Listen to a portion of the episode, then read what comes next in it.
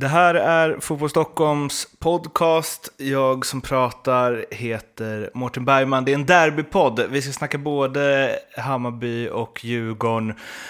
Och eh, eftersom eh, du Oskar, som vi kommer till, har haft fullt upp med Bode Glimt och liksom rensat hela kunskapsbanken för att eh, fylla på den med Bode Glimt-kunskap, så har vi tagit in eh, förstärkning. Daniel Sjöberg. Hallå, hallå! Kul att vara tillbaka. Hallå, hallå. ja, du blir inbjuden lite då och då. Ja, i brist på annat. ja, ja, nej och ja, det finns Det är du eller Ludde liksom. det, men absolut. Och Ludde kunde inte idag, så... nej då. Eh, men eh, Oskar, anledningen som jag var inne på.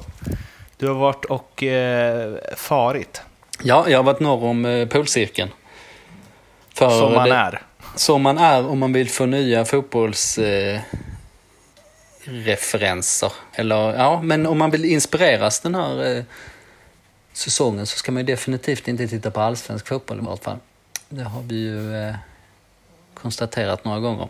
Däremot händer det ju otroliga saker där i den norska ligan. Där alltså Bode Glimt som ligger så långt norrut att, eh, ja, så långt norrut går det knappt att vara i Sverige ens.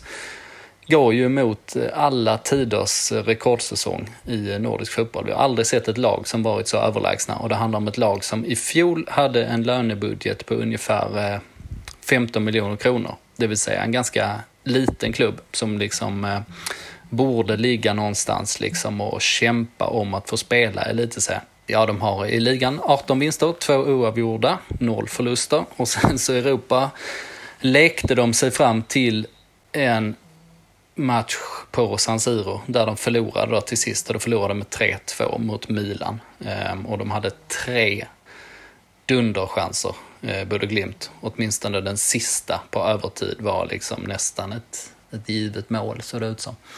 Och då hade man alltså fått 3-3. Men det är i alla fall eh, en eh, fullständigt sensationell historia och eh, anledningen till att jag åkte dit var ju för att den var, den var för intressant för att inte göra. Och min arbetsvinkel var på något sätt vad svenska lag kan lära sig av både Glimt. Och efter att ha varit där i tre dagar så är svaret allt. Och det ska vi inte lära ut i den här podden va? Nej, det ska vi inte. Det kommer i ett längre reportage så eh, nu ska vi snacka derby istället. Mm. Eh, ett derby där det eh, fanns väl två lag som möjligtvis eh, skulle må bra av att eh, läsa igenom det där reportaget när det väl kommer sen. Eh, Sjöberg, eftersom du är inkallad som spjutspets här så får du ta vid och eh, berätta om hur hur din analys av, eh, ja vi börjar med Hammarby, deras insats i derbyt. Den ser väl ut som vi har vant oss vid, höll jag på att säga nu, senaste tiden. Det är lite, lite som fungerar ibland och, och som vid målet till exempel som de gör. Det är sån här klassiskt, klassiskt, modern klassiskt Hammarby-spel. Snabbt, eh, blixtrande, fem spelare inblandade, one touch och så skott och så retur och mål. Eh, oerhört vackert. Men det var alldeles för lite sånt. Eh, Hammarby är inte dåliga, men de är inte heller liksom bra. Det är... Eh, eh, vi ska försöka hålla oss entusiastiska här inför allsvenskan. Men det här är inget derby man kommer minnas. Utan det är, det är tyvärr lätt att glömma bort. Och det gäller eh, även Hammarbys eh, insats. Så att, eh, ja, Eh, en djupare analys av det hela är svår att göra tycker jag. För att det, det finns liksom... Jag, jag, känner igen då eh, det här med att Hammarby eh, inte kliver fram när de, när de ska göra det. Så har det varit hela det här året. Det är flera gånger som jag har sagt att ja, nu kanske, nu såg vi någonting här, nu kommer det att vända. Och sen så, så fort det lilla, lilla trycket kommer utifrån så, så tappar de det. Den här matchen kunde de mycket väl ha vunnit. Det är ju sista sparken som de, som de tappar i, i stort sett. Men eh, det var liksom inte orättvist på något sätt. Det var ju eh, en del Hammarby-kommentarer efteråt och även Jesper Jansson nu, eh, sportchefen, som tyckte att Hammarby borde vunnit ehm, Det var liksom återkommande kommentaren. Är du, är du med på det? Alltså, man kan säga så här, man borde ha vunnit om man leder med 1-0 och det är en minut kvar att spela. Eh, men det där har vi ju också hört.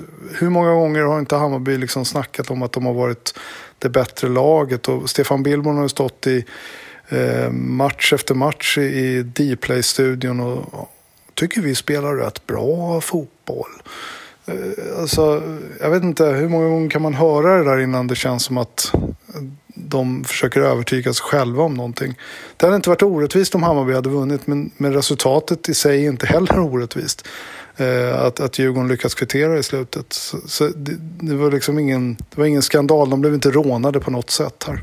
Jag hade ju en eh, uträkning om den sista kvarten i år och eh, Jonas Hansson, vår kollega, räknade på sista kvarten i fjol. Eh, och i fjol var Hammarby eh, ganska överlägset det bästa laget i Allsvenskan i 75 minuter. Och eh, efter det så var man, eh, ja inte i närheten. Eh, och då, det- I fjol släppte man i och för sig in ganska mycket billiga mål när man redan ledde stort liksom, och då gör det ju inte lika mycket.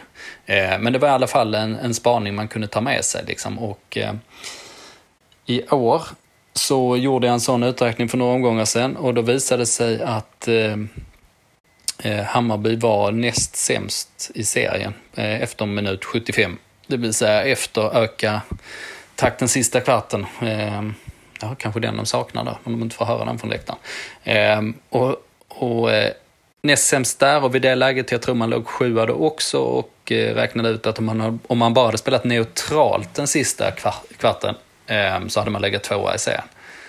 Och man hade minus sju. Och sen så, jag tror man bättrar på statistiken lite grann efter det. Eh, det var i och för sig efter 4-0-segern mot eh, Göteborg där man gjorde två av de målen på slutet.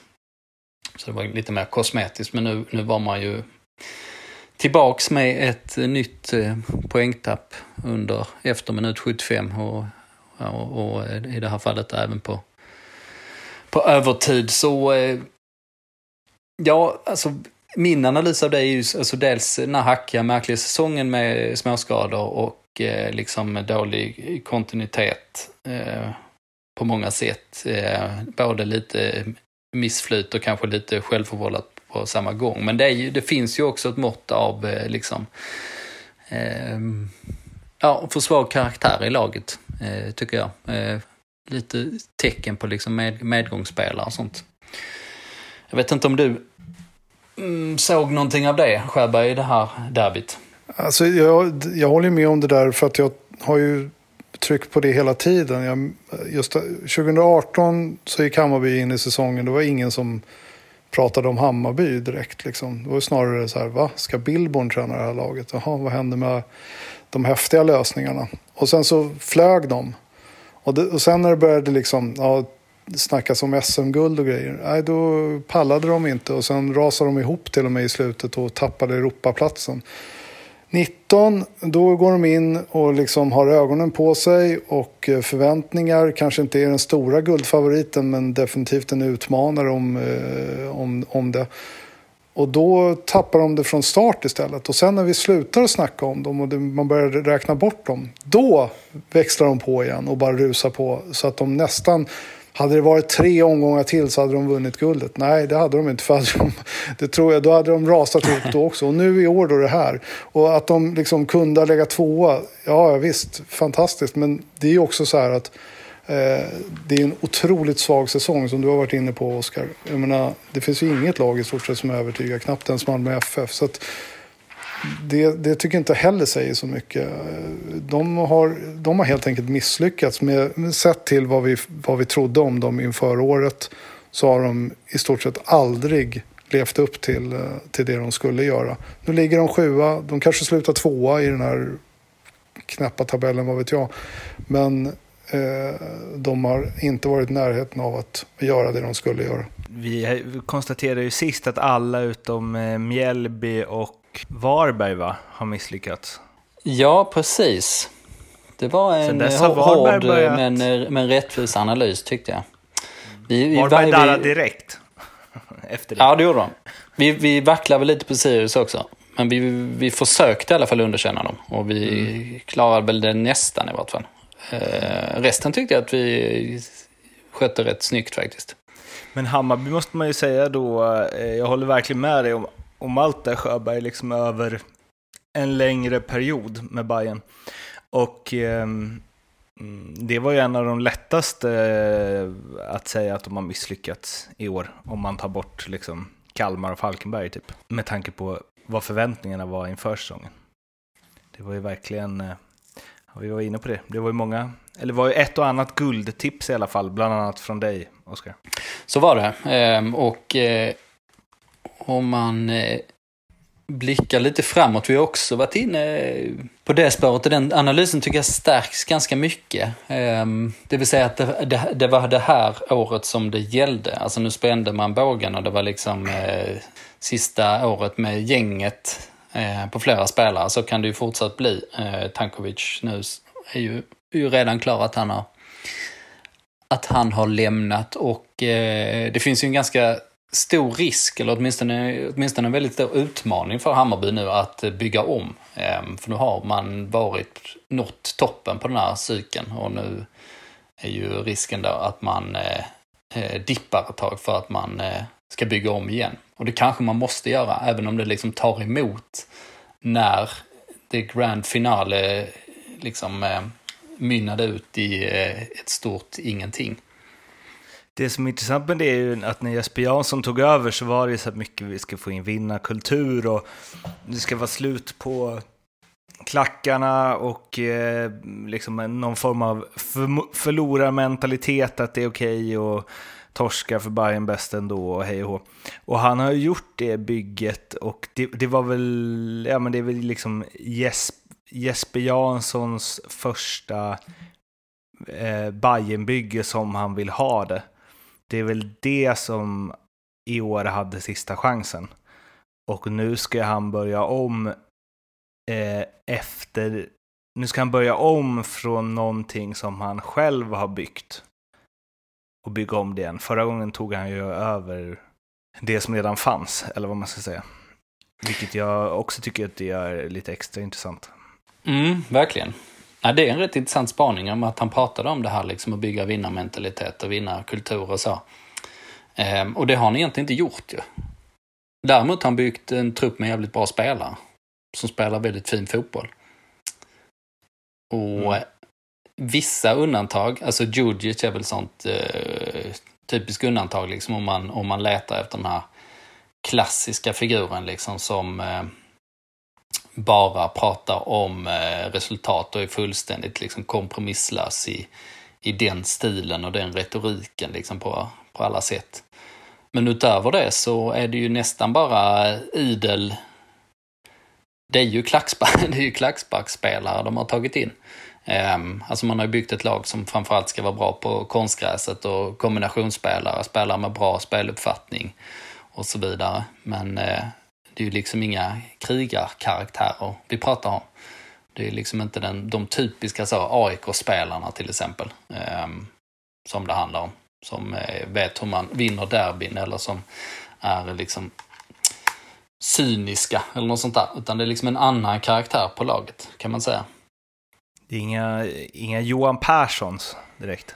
Nej, det är ganska långt ifrån det. Det är, liksom, det är Bojanic istället. Eh, men, det, men det är ju liksom samma. Det är Widgren på vänsterbacken eh, som nu är Gias.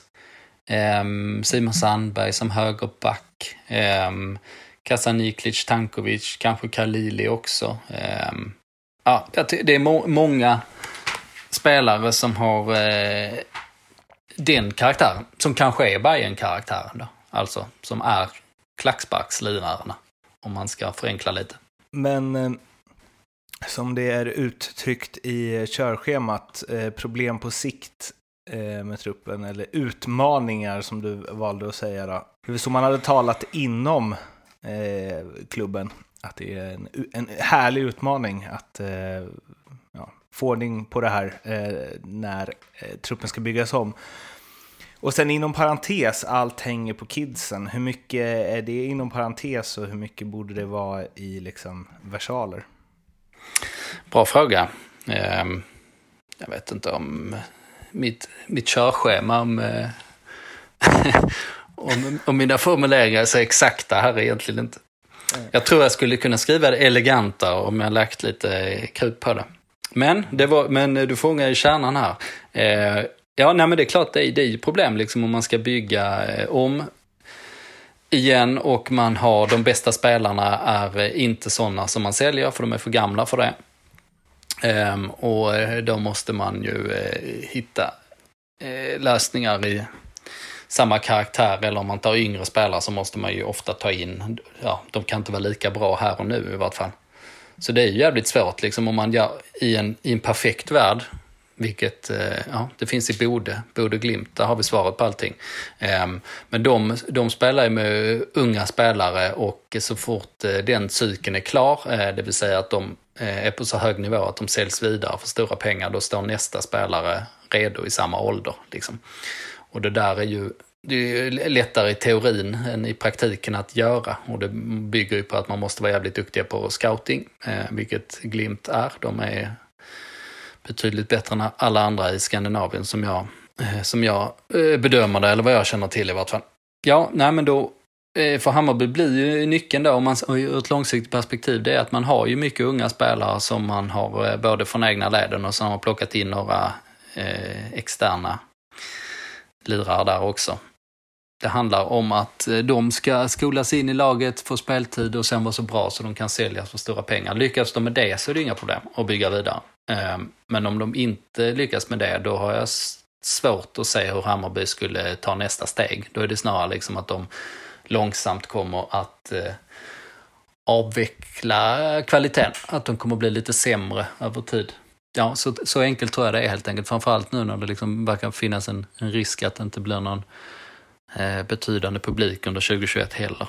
För att runda av Hammarby Eh, snacket eh, innan vi hoppar över på Djurgården så har det ju hänt två saker innan transferfönstret eh, boomade igen. Eh, den eh, mindre får man väl säga. Eh, Vladimir Rodic utlånad till Odds BK. Vilket ju eh, kul när sådana lag dyker upp i flödet ändå. Det är inte varje dag. Eh, men det är samma sak som att eh, Rodic tid i Bayern är räknad. Ja, kanske. Den är ju lite odd, skulle man kunna säga. Om man pratar engelska. Mm. Ja. ja. känns inte som han har kommit in i det riktigt någon gång. Va?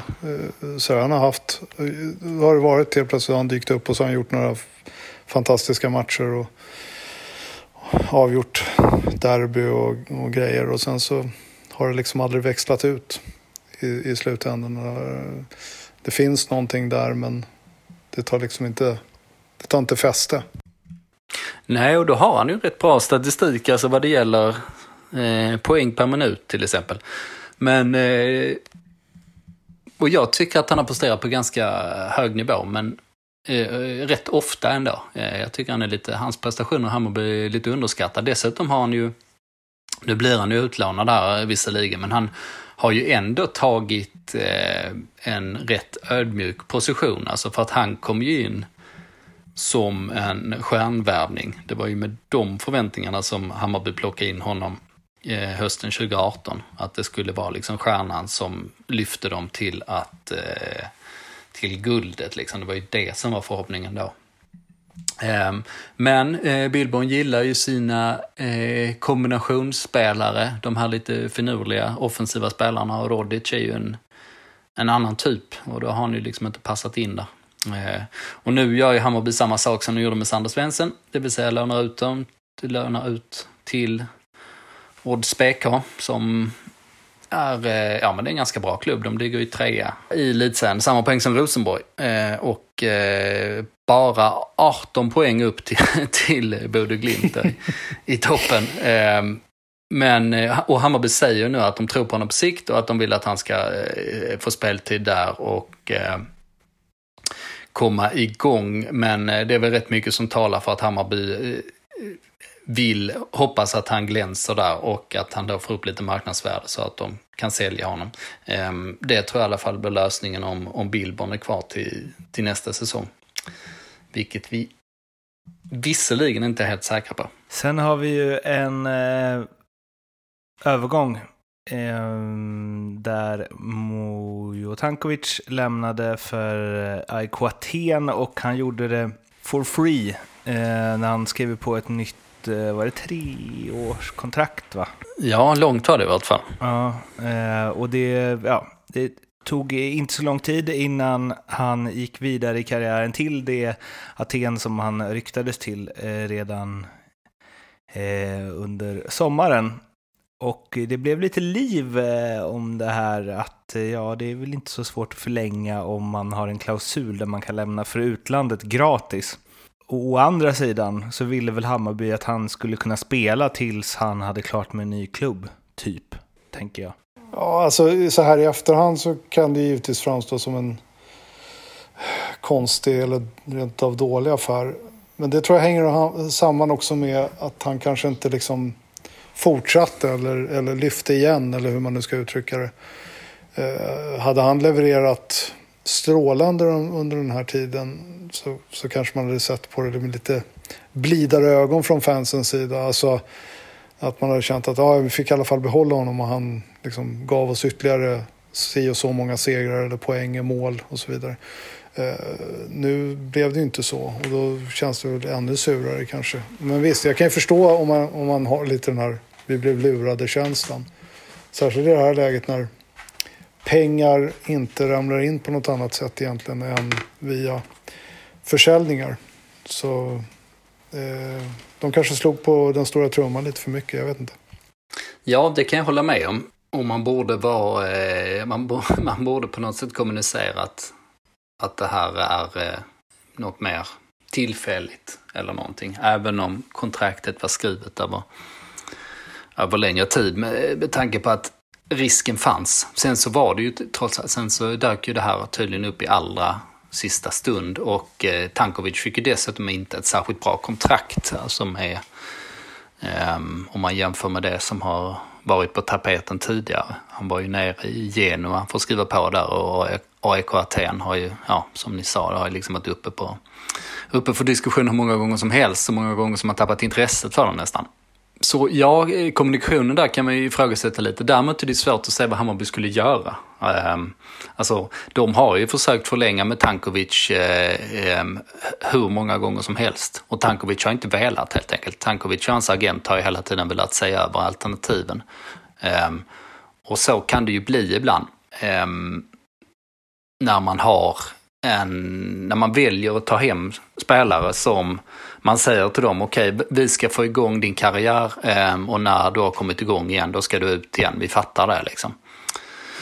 Och, eh, och sen har det blivit lite sådana här märkliga limbo-situationer, flera, flera transferfönster i rad. Så eh, nej, jag har lite svårt. Vad skulle de annars göra på något sätt i, i det här läget? Men som sagt, det kan ju bli lite problem på sikt när man har valt att värva sådana här spelare för att eh Ehm, då ligger ju spetskvaliteten på sådana spelare. Eh, Kasaniklic kan man tänka sig att det blir samma typ av eh, avsked med en gång. Abbe Khalili skrev ju bara två år till exempel. Så har han, och skriver man bara två år om en spelare, då finns det ju ingen möjlighet att sälja en sån heller i grundläget.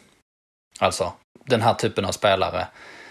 Eh, när jag säger att man inte kan sälja dem, då är det liksom mer standardläge. Men ibland om de har långa kontrakt och presterar väldigt bra, även om de är liksom mellan 25 och 28 så kan man ju få en, en slant för dem. Så eh, ja, nej, lite eh, lurig sits helt enkelt. Men jag landar lite i samma slutsats som innan att får man bara in ett par talanger varje år, eller bara bara, för man har inte lyckats med det tidigare, men om man lyckas med det så kommer det rulla på totalt sett också. Men eh, det ser jag som den stora knäckfrågan. Nu ska vi snacka Djurgården. Eftersom din eh, analys kring Hammarbys derby var eh, utsökt och prickfri, Sjöberg, så får du göra så även mot, eller av det laget de mötte, Djurgården. Djurgårdsanalysen helt enkelt. Ja, får vi börja med att be om ursäkt för min usla imitation av Stefan Billborn, men det, ja, det var tvunget att den, göras. Jag tyckte den var helt okej. Alltså, eller, han, är ganska, han är ganska lättimiterad, tänker jag, om man har liksom stockholmskan på plats. Han låter ju som en... Han låter ju ganska random stockholmare. Han gör ju det. Det var därför jag vågade. Ja. Helt fel att uh, ursäkten kommer nu när vi gått över till Djurgårdssegmentet. ja, precis. Hammarbyarna stängt in, av redan. Får klippa, klippa in den i, i, på något sätt. Eh, nej, men Djurgården då? Ja, eh, till att börja med gick de väl in i derbyt, den där segern mot AIK, en gång är ingen gång som man brukar säga och sådär. Eh, de, de, poängmässigt är de ju i ett liknande läge som Hammarby. Skillnaden har varit att de har på något sätt, tycker jag i alla fall, då, legat på en nivå hela tiden som har varit ungefär vad man kunde förvänta sig. Alltså, ingen har ju motsvarat förväntningarna nästan som vi har varit inne på. Men just det här att de har inte...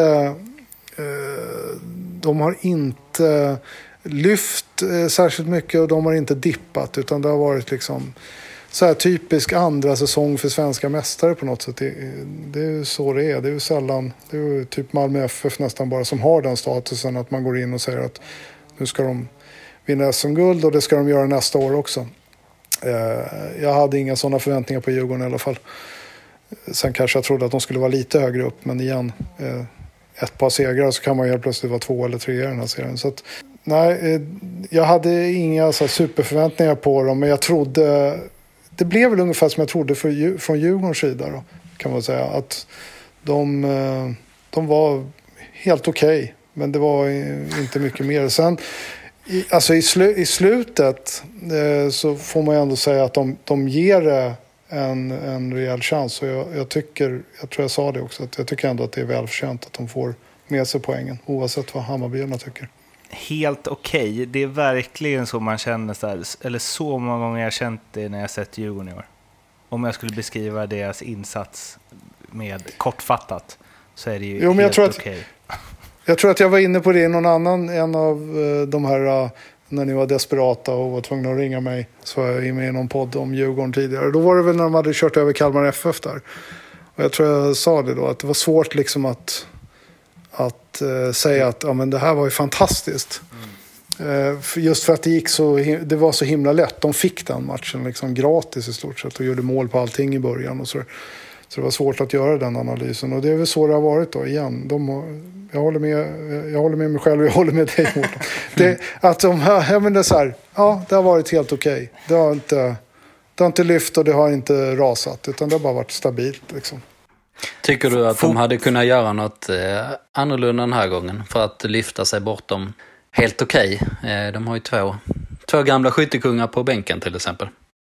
Ja, och så här i, i efterhand kan man ju känna att det hade varit fint att starta med Kujovic. För att de, de lyckades ju rätt bra med det här, liksom eh, komma runt, slå inlägg. Eh, Radetinac var, var pigg, hade, fick få in bollen eh, i straffområdet mycket. Men det är lätt att göra den analysen i efterhand. Det är, liksom, ja, det är, det är mycket det vi sysslar med i och för sig. Men, men just det här att eh, jag, jag, förstår ju vad de, vad de ville göra och hur de tänkte. Och sen så vet jag inte om vi har fått något svar på vad det var med Chile där. Men Lagerlöf antydde, det lät ju på Lagerlöf som man nästan trodde att han hade, var sjuk eller någonting. Eh, jag ska inte säga vilken sjukdom. Men eh, för han pratade ju om att han var seg i benen från start och sådär.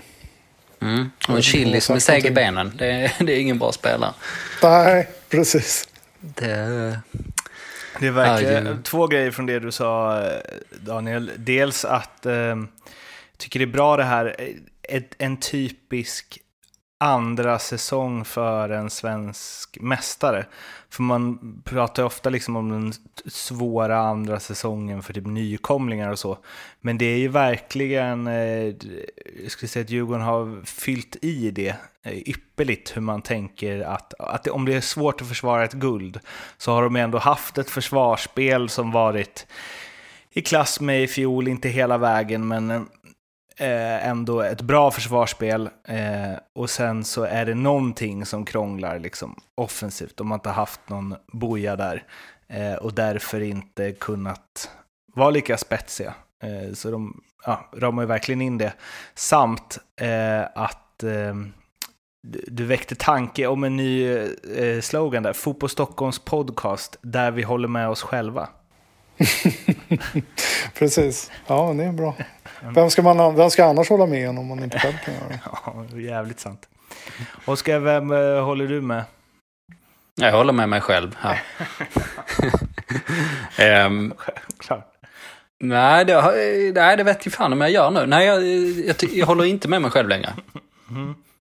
Eller jag vacklar åtminstone. För att he, hela den här säsongen så har ju knäckfrågan varit så här, hur ska de få igång eh, offensiven? Och det är de fyra spelarna längst fram i plan. Ehm, och eh, eh, ingen där har eh, levererat över tid eh, i närheten vad man ska göra. Man, om man ska vara, ja, framförallt om man ska utmana med SM-guldet. Men det är inte tillräckligt bra för en Europaplats heller, uppenbarligen, även om det funkar bra eh, längre, längre bak i planen. Ehm, och det är liksom, ja, jag vet inte vem jag, om jag säger emot mig själv eller håller med mig själv längre, men problemet som jag ser det är ju att eh, eh Djurgården vill ju spela eh, på eh, Kim och Tolles favoritsätt och eh, då handlar det ju liksom om att ha ett eh, intensivt pressspel som, man, som liksom är trigger så att man, man går lite upp och, upp och ner. Men när man bestämmer sig så går man på riktigt. Och det har ju varit då anledningen till att Kujovic har fått spela lite. Det har varit ganska tydligt att det har varit en, en, ett ett starkt skäl i vart fall. Och eh, jag vet inte om det ligger liksom Kalle Holmberg i fatet lite också. Han liksom är ingen extrem pressspelare på det sättet. Och då är ju frågan, alltså det vi har pratat om tidigare har ju egentligen bara varit, ja men så fort de hittar någon som är i form så bara stoppa in den spelaren. Ehm, och sen om de har två spelare i form av fyra så kommer det säkert gå ganska bra. Ehm, men om man angriper det från andra hållet, vilket känns som mer sportchefshållet att angripa det på, för att det kan inte så Kim och Tolle vill spela egentligen. Då skulle man ju kunna ställa upp ett rakt 4-4-2 istället. Um, samma spelare då i backlinjen och på innermittfältet, men att man spelar Magnus Eriksson till höger som kliver in. Till vänster har man eh, Bärkroth förmodligen, eller Chili även om Chili inte hittat rätt alls, men som man får eh, snabbhet och, och en löpare där. Sen spelar man med Kalle Holmberg och Kujovic som anfallare. Ehm, det är ju lite för statiskt där framme totalt sett och man skulle ha, vilja ha fler som eh, hugger bakom eh, backlinjen kanske, men det är ju ändå tre allsvenska skyttekungar som man får på plan då i liksom rätt, eh, i naturliga positioner åtminstone. Ja, det är den som är lite lurig där liksom för att det känns ju som Bosse Andersson, han är ju så jävla bra på att göra bra dealar. Han är bra på att göra business. Han missar aldrig bra läge. Eh, att plocka en spelare eh, billigt och sälja dyrt. Liksom. Den tajmingen är ju exceptionell på. Det är ju, det är ju den stora förklaringen till alla, eller till att Djurgården eh, befinner sig där de är. De hade ju inte haft någonting med toppen att göra utan eh, Bosses fingertoppskänsla där.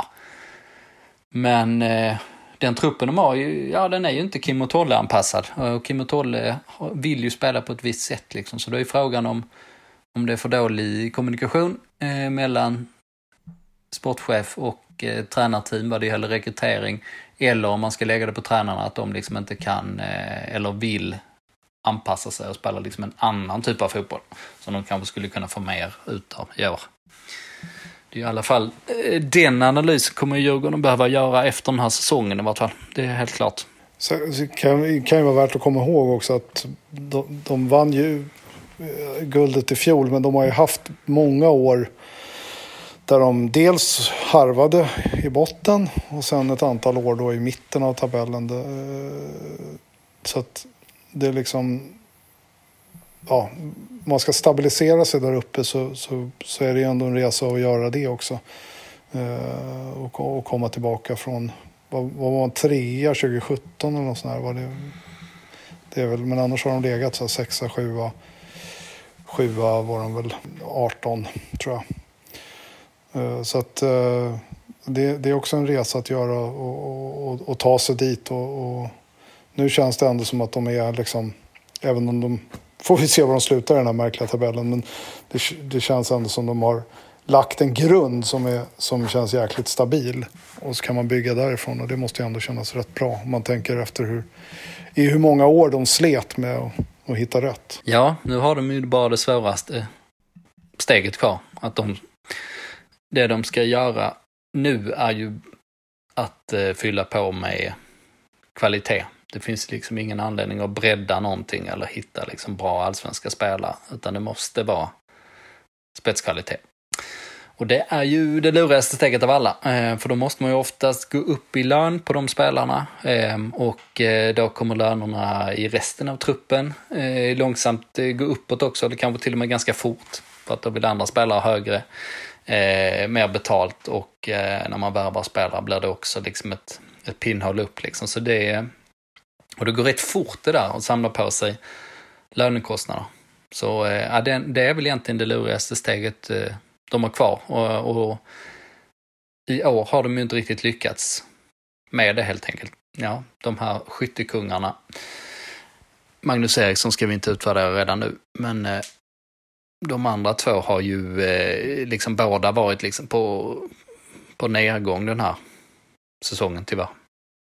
Men i det då, att man ska värva kvalitet, alltså trodde man inte att man gjorde det där? Eller tänkte man inte så här, Kujovic och Holmberg? allsvensk målskyttskvalitet? Ja, alltså Kujovic eh, har jag lite vibbar av att Ja, det är lätt att glömma nu, men transferfönstret 2019, alltså deadline, där, där var det ett sånt jävla tryck på Bosse Andersson att han skulle värva eh, en anfallare. Otroligt tryck var det på det. Det var ju liksom eh, var ju folk som bara eh, stod och häckade utanför eh, stadion och Djurgårdens kansli. Alltså det var folk som följde Djurgårdens medarbetare i bilar. Alltså när Bosse körde iväg, så då körde folk efter dem liksom. Och Bosse hade ju själv höjt temperaturen en del och sagt att det kommer att bli en anfallare. Sen hade man ju en anfallare nästan klar. En, ja vad hette han nu då? Han typ var någon tunisisk spelare som varit i Danmark. Eh, sådär liksom. Ja, eh, eh ja det, kan folk eh, googla fram. Eh, tänk, tänk att man bara glömt det helt. Men så blev Kujovic ledig i absolut sista sekund, eh, Lambda tillgänglig och eh, Kujovic har, har man ju försökt på under många transferfönster rad. Varit liksom en följetong, drömspelare lite för Bosse. Och jag har lite vibbar av att det var liksom en, eh, ja lite eh, crowd pleaser på något sätt. Och att eh, lite för bra erbjudande för att kunna stå emot, även om det kanske inte var exakt vad Djurgården behövde. Och Kalle Holmberg var ju också en eh, typisk Bosse-affär. Att han kan plocka in en spelare som åtminstone under en säsong har visat eh, hålla jävligt eh, hög kvalitet. Eh, och som man då kunde plocka in gratis från eh, en konkurrent. Men eh, Holmberg liksom är väl den mest så, anonyma skyttekungen vi har haft på något sätt. Att han, det var en säsong där som han verkligen lyckades med. Så eh, ja, jag förstår vad du menar. Eh, och det kanske har funnits en sån ambition, men nästa steg måste ju ändå vara eh, eh liksom dock stjärnspelare och rollspelare på samma gång. Lycka till Bosse! Det är inte så jävla lätt, men eh, de kan ringa till Bode Glimt om de vill veta hur man gör exakt det. Om man värvar Eh, typiska rollspelare som man vet kommer att passa exakt in i den modellen man vill spela. Alla vägar leder till Bode. Mm. Ja, det är det. Jag är, jag är frälst, eh, kan jag säga. Eh, tills eh, klubbarna gör det tycker jag att det ska vara en grej vi upprepar ofta. Ring. Ring bara Bode. Om, om vi istället för att ge ett svar på frågan eh, så borde ge ett svar på frågan. Senaste podden har vi varit inne lite på eh, Kim Bergstrands eh, mindre muntra presskonferenser.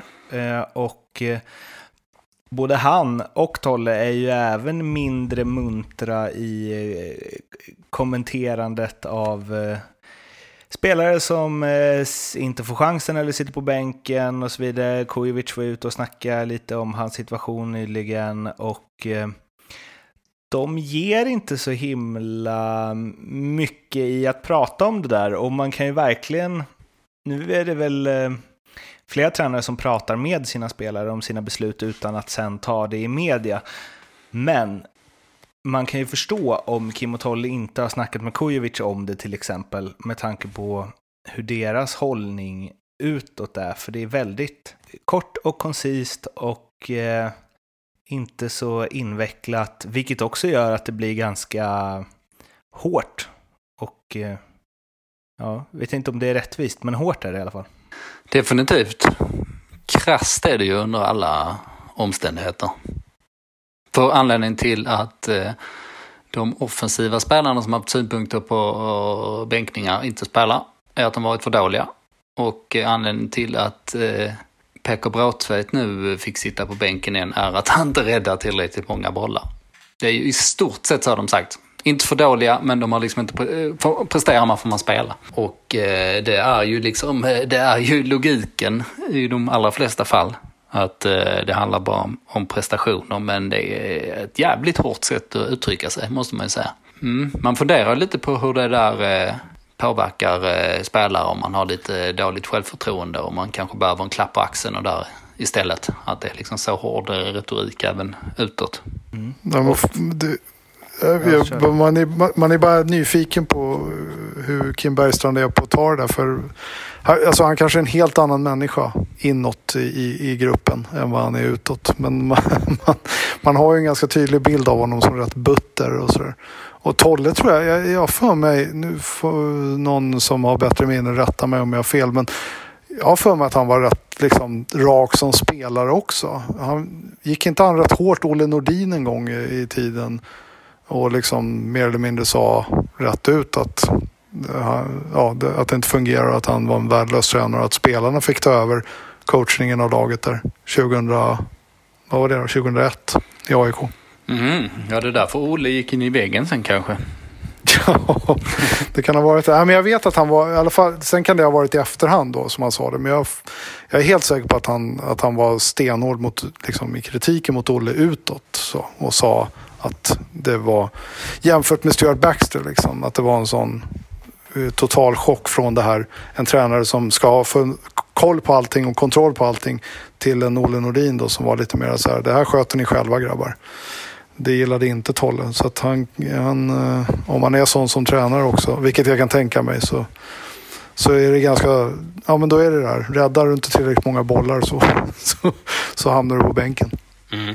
Och jag tror att Djurgården har en ganska bra eh, trupp för att hantera ett sånt eh, ledarskap. Där det är eh, raka rör och, och eh, ty tydliga krav. Men jag tycker ändå, eller jag misstänker ändå att de har gått fram lite för hårt. Liksom. Jag vet ju att det finns vissa spelare som har reagerat på det. Och ja, Kujovic är ju ingen hemlighet till exempel. att att det inte riktigt har klickat så Nej, det kan ju, bli, kan ju bli lite körigt om man har det som inriktning även eh, i fortsättningen. Alltså. Ja, men det är väl alltid det där som du sa, eh, om man inte har självförtroendet eller om det inte fungerar klockrent. Jag menar 2019 till exempel när, när det flyter på då kan man ju vara, eller på att säga, hur som helst. Då funkar det ju ändå. Liksom alla går omkring, de flesta i alla fall, går omkring och mår jäkligt bra. Och så där. Vi vinner och vi är på väg mot guld. Men när det liksom hackar eller bara går okej okay då, så, så kanske det inte är lika roligt och, och med, med den ledarstilen alltid. Nej, så är det ju. Det är verkligen i motgångar som ledarstilen testas. Det har eh, Hasse Backe pratat om också att i medgång kan man göra precis vad som helst. Alltså då kan man gnälla hur mycket som helst och det ses liksom som eh, ett fokus på utvecklingen. Att man liksom, vi är inte nöjda, vi är bra, men nu ska vi hitta saker vi kan bli ännu bättre på. Att det tolkas alltid så. Men i motgång gäller det att eh, verkligen eh, försöka få in energi och självförtroende, att det är liksom överordnat allt. Nu är ju Djurgården någon slags, eh, ja, någon slags mellanläge för vi har ju verkligen ingen krisstämpel på laget heller. Men eh, nej, frågan är om, hon de trycker lite på fel knappar ändå just nu. Eh, man, kan, man kan ju ställa frågan i vart fall. En annan fråga man kan ställa sig är om det är rätt eller fel av Djurgården att eh, lotta ut biljetter bland eh, säsongskortare när det nu eh, blir 500 personer på eh, matcherna framöver. Ehm, fyra hemmamatcher kvar och då blir det ju eh, ja, 2000 pers som får se allsvensk fotboll när Djurgården spelar den eh, under den här säsongen. Eh, är det ett bra sätt att lösa en knepig situation på?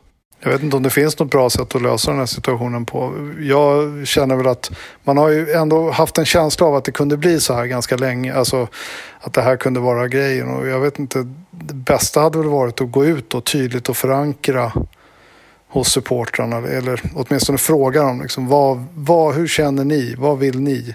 Hur skulle ni vilja i en sån här situation? Sen behöver man inte följa det, men då vet man i alla fall. Så behöver man inte bara slänga ur sig någonting som är...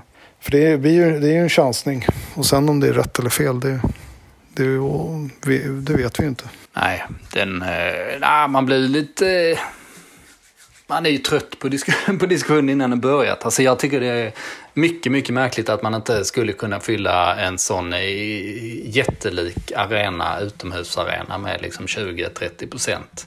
Eh, med tanke på ja, till exempel eh, Malmö FFs eh, genomgång på hur man skulle kunna arrangera ett sånt, eh, den typen av matcher.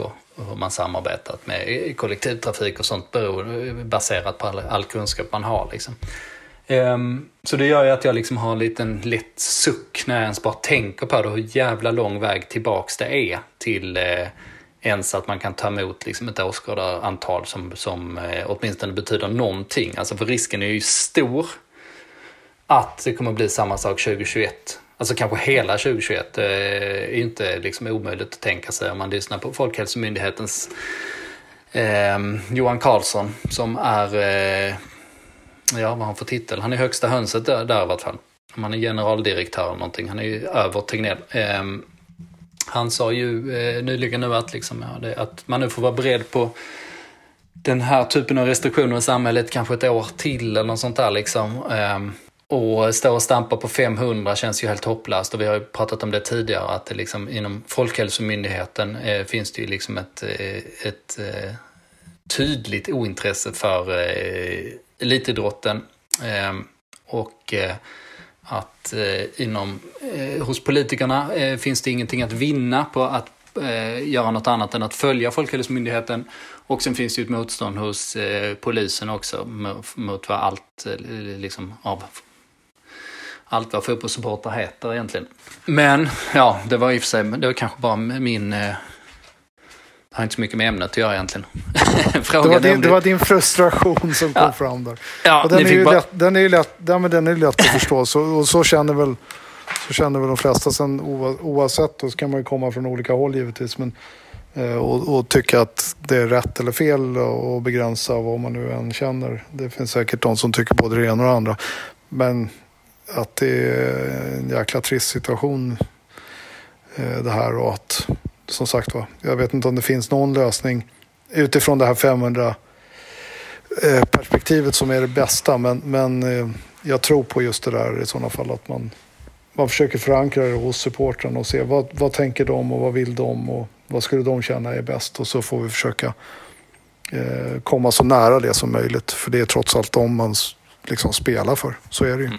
Mm. Ja, jag, jag tror Jörgen har gjort det nu, liksom, tagit en koll kortsiktigt och eh, liksom fått fram att det var flest som ville det här. Och, ja, jag tycker väl också att det är eh, rimligt att eh, testa att man gör så här. Då får ju trots allt några gå på fotboll och man får lite, li, lite sång kanske eller lite publikljud i vart fall under den här dystra lite, lands, li, lite landslagskänsla över det hela. Ja, precis. Lite landslagsfeeling kan man få åtminstone. Eh, nej, men då får man ju också kanske eh, något slags test blir det i alla fall. Någon slags slutsats kan man dra av det. Ehm, så jag, jag tycker väl det är kanske eh, rätt eh, beslut att testa, men jag har ju svårt att säga att man kommer fortsätta med det 2021. Alltså så, det kommer i så fall bara handla om att tillfredsställa, eller åtminstone liksom ge hoppet till de som har köpt säsongskort. För att det kommer ju vara en sån jävla knäckfråga för klubbarna. Att folk fortfarande köper säsongskort och så utan att folk vet att de kan gå. Då kanske det finns någon morot där, liksom att ja, men jag kanske kan gå på vissa matcher i vart fall. Men om det ligger kvar på 500, eh, då är det ju eh, en alldeles för stor apparat liksom att hålla på att öppna eh, arenan och, och hålla, arrangera en sån offentlig tillställning liksom för att sprida ut ett, eh, ett hundratal personer på de där eh, sektionerna för att det ska hålla. Det blir liksom en ren minusaffär. Så ja, det är också, också svårt att se det som eh, långsiktigt överhuvudtaget. Vi vet ju heller inte hur det kommer se ut med covid-19 under 2021 och hur det kommer påverka hur många som får gå på matcherna då och om det ska fortsätta lottas ut och så vidare. Eh, men det blir ju, eh, vi kan väl åtminstone eh, se mot en säsong nästa år som inte kommer bli tillbaks till det helt normala. Det känns som det ska mycket till för det. Däremot så finns det ju för Djurgårdens del, om man nu ska leta ljusglimtar i något sånt deppigt, eh, ändå en möjlighet att eh, förstärka inför eh, nästa år och Eh, ja, kanske närma sig det det var fjolåret snarare än det det har varit i år. Ja, det är väl inte omöjligt att se. Eh, Bosse Andersson har ju valt att hålla i plånboken denna, detta år. Ehm, och eh, han öppnar ju för eh, förstärkningar till nästa säsong i en intervju som eh, vi, vi gjorde med honom nyligen. Ehm, och det skulle ju kunna bli så. Alltså den här säsongen kommer ju ändå, eh, det verkar ju som att alla klubbar klarar sig. Eh, jag tror, eh, jag tror, eh, vad heter det, licensnämnden dessutom bara kommer att säga kör på till alla. Alltså även till Östersund till exempel. De kommer bara säga, licensnämnden kommer att säga, hänvisa till en paragraf som säger särskilda skäl. Ehm, och så kommer alla få köra på. Och eh, konkurser kommer klubbarna också undvika vad det verkar eh, eftersom man fått så pass stora statliga bidrag trots allt. Ehm, det ska man ju komma ihåg när, eh, när vi gnäller på politiker och så, så har ju idrotten ändå fått ehm, ordentliga tillskott i form av ja, men bidrag men också hjälp då via permitteringar. Ehm, och sen har ganska många klubbar sänkt lönerna så också. Så de här skräckprognoserna vi hade i början av säsongen kommer det absolut inte bli. Alltså Hammarby pratar, pratar själva om eh, 35 miljoner och sånt där minus, vilket hade ju varit extremt tufft för dem att ta. Eh, nu kommer de ju landa på ett par miljoner istället. Eh, och då finns det lite olika anledningar till det, men, men de här statliga eh, bidragen är ju kanske den allra största. Men till nästa år så tror jag inte klubbarna kan räkna med eh, samma typ av stöd. Alltså jag har svårt att säga att man liksom ska få en ny miljard liksom på eh, i mars och sen ytterligare en och en halv i, i juli och sen så eh, skjuter staten till nästa paket under hösten. Liksom. Jag har bara svårt att säga att det kommer att bli så. Och, och eh, jag tror att det kommer handla om existensen för eh, många klubbar. Att det är liksom konkursen som man kämpar mot. Eh, då tror jag liksom lösningar snarare kommer finnas liksom i i kommunala stöd och eh, lokala banken eller näringslivet. Ja, så som Djurgården har räddats har ju varit det sista alternativet framför allt till exempel när de eh, hade problem i massa år innan Bosse Andersson eh, eh, ja, började, åka, började åka till Afrika egentligen. Så jag tror i alla fall att det kommer handla om det och, och de enda som jag ser som kommer ha liksom i, i, sån, i sånt scenario, ha lite manövreringsutrymme, det är ju Malmö FF, självklart. Eh, men också Djurgården då, som har pengar på banken. Betydligt mer än, än alla andra, bortsett från MFF. Så, eh, och det kommer också finnas mycket spelare att till exempel låna in eller plocka in på korta kontrakt. Alltså så här, det borde finnas mycket kvalitetsspelare. Så i det här deppiga scenariot, som jag tror är sannolikt, så kan nog Djurgården bli en relativ vinnare i vart fall. Att om konkurrenterna står still eller tappar slagstyrka så skulle AIK eller så skulle Djurgården kunna bli lite, lite bättre rent av nästa år.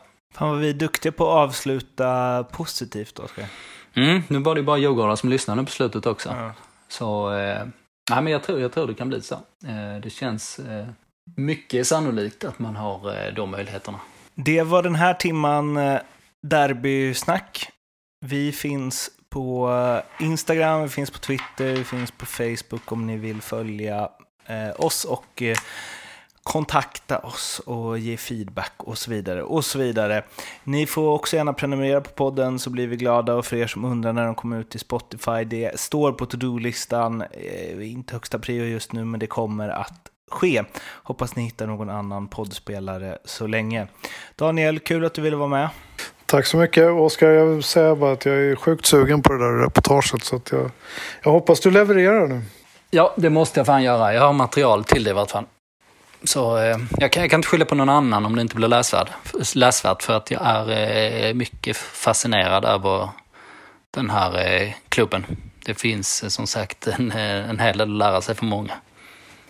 Vem vet, kanske blir en Bode Glimt-podd framöver. Ehm, nu tackar vi för eh, det här programmet så hörs vi snart igen. Hej då! Hej! Hej!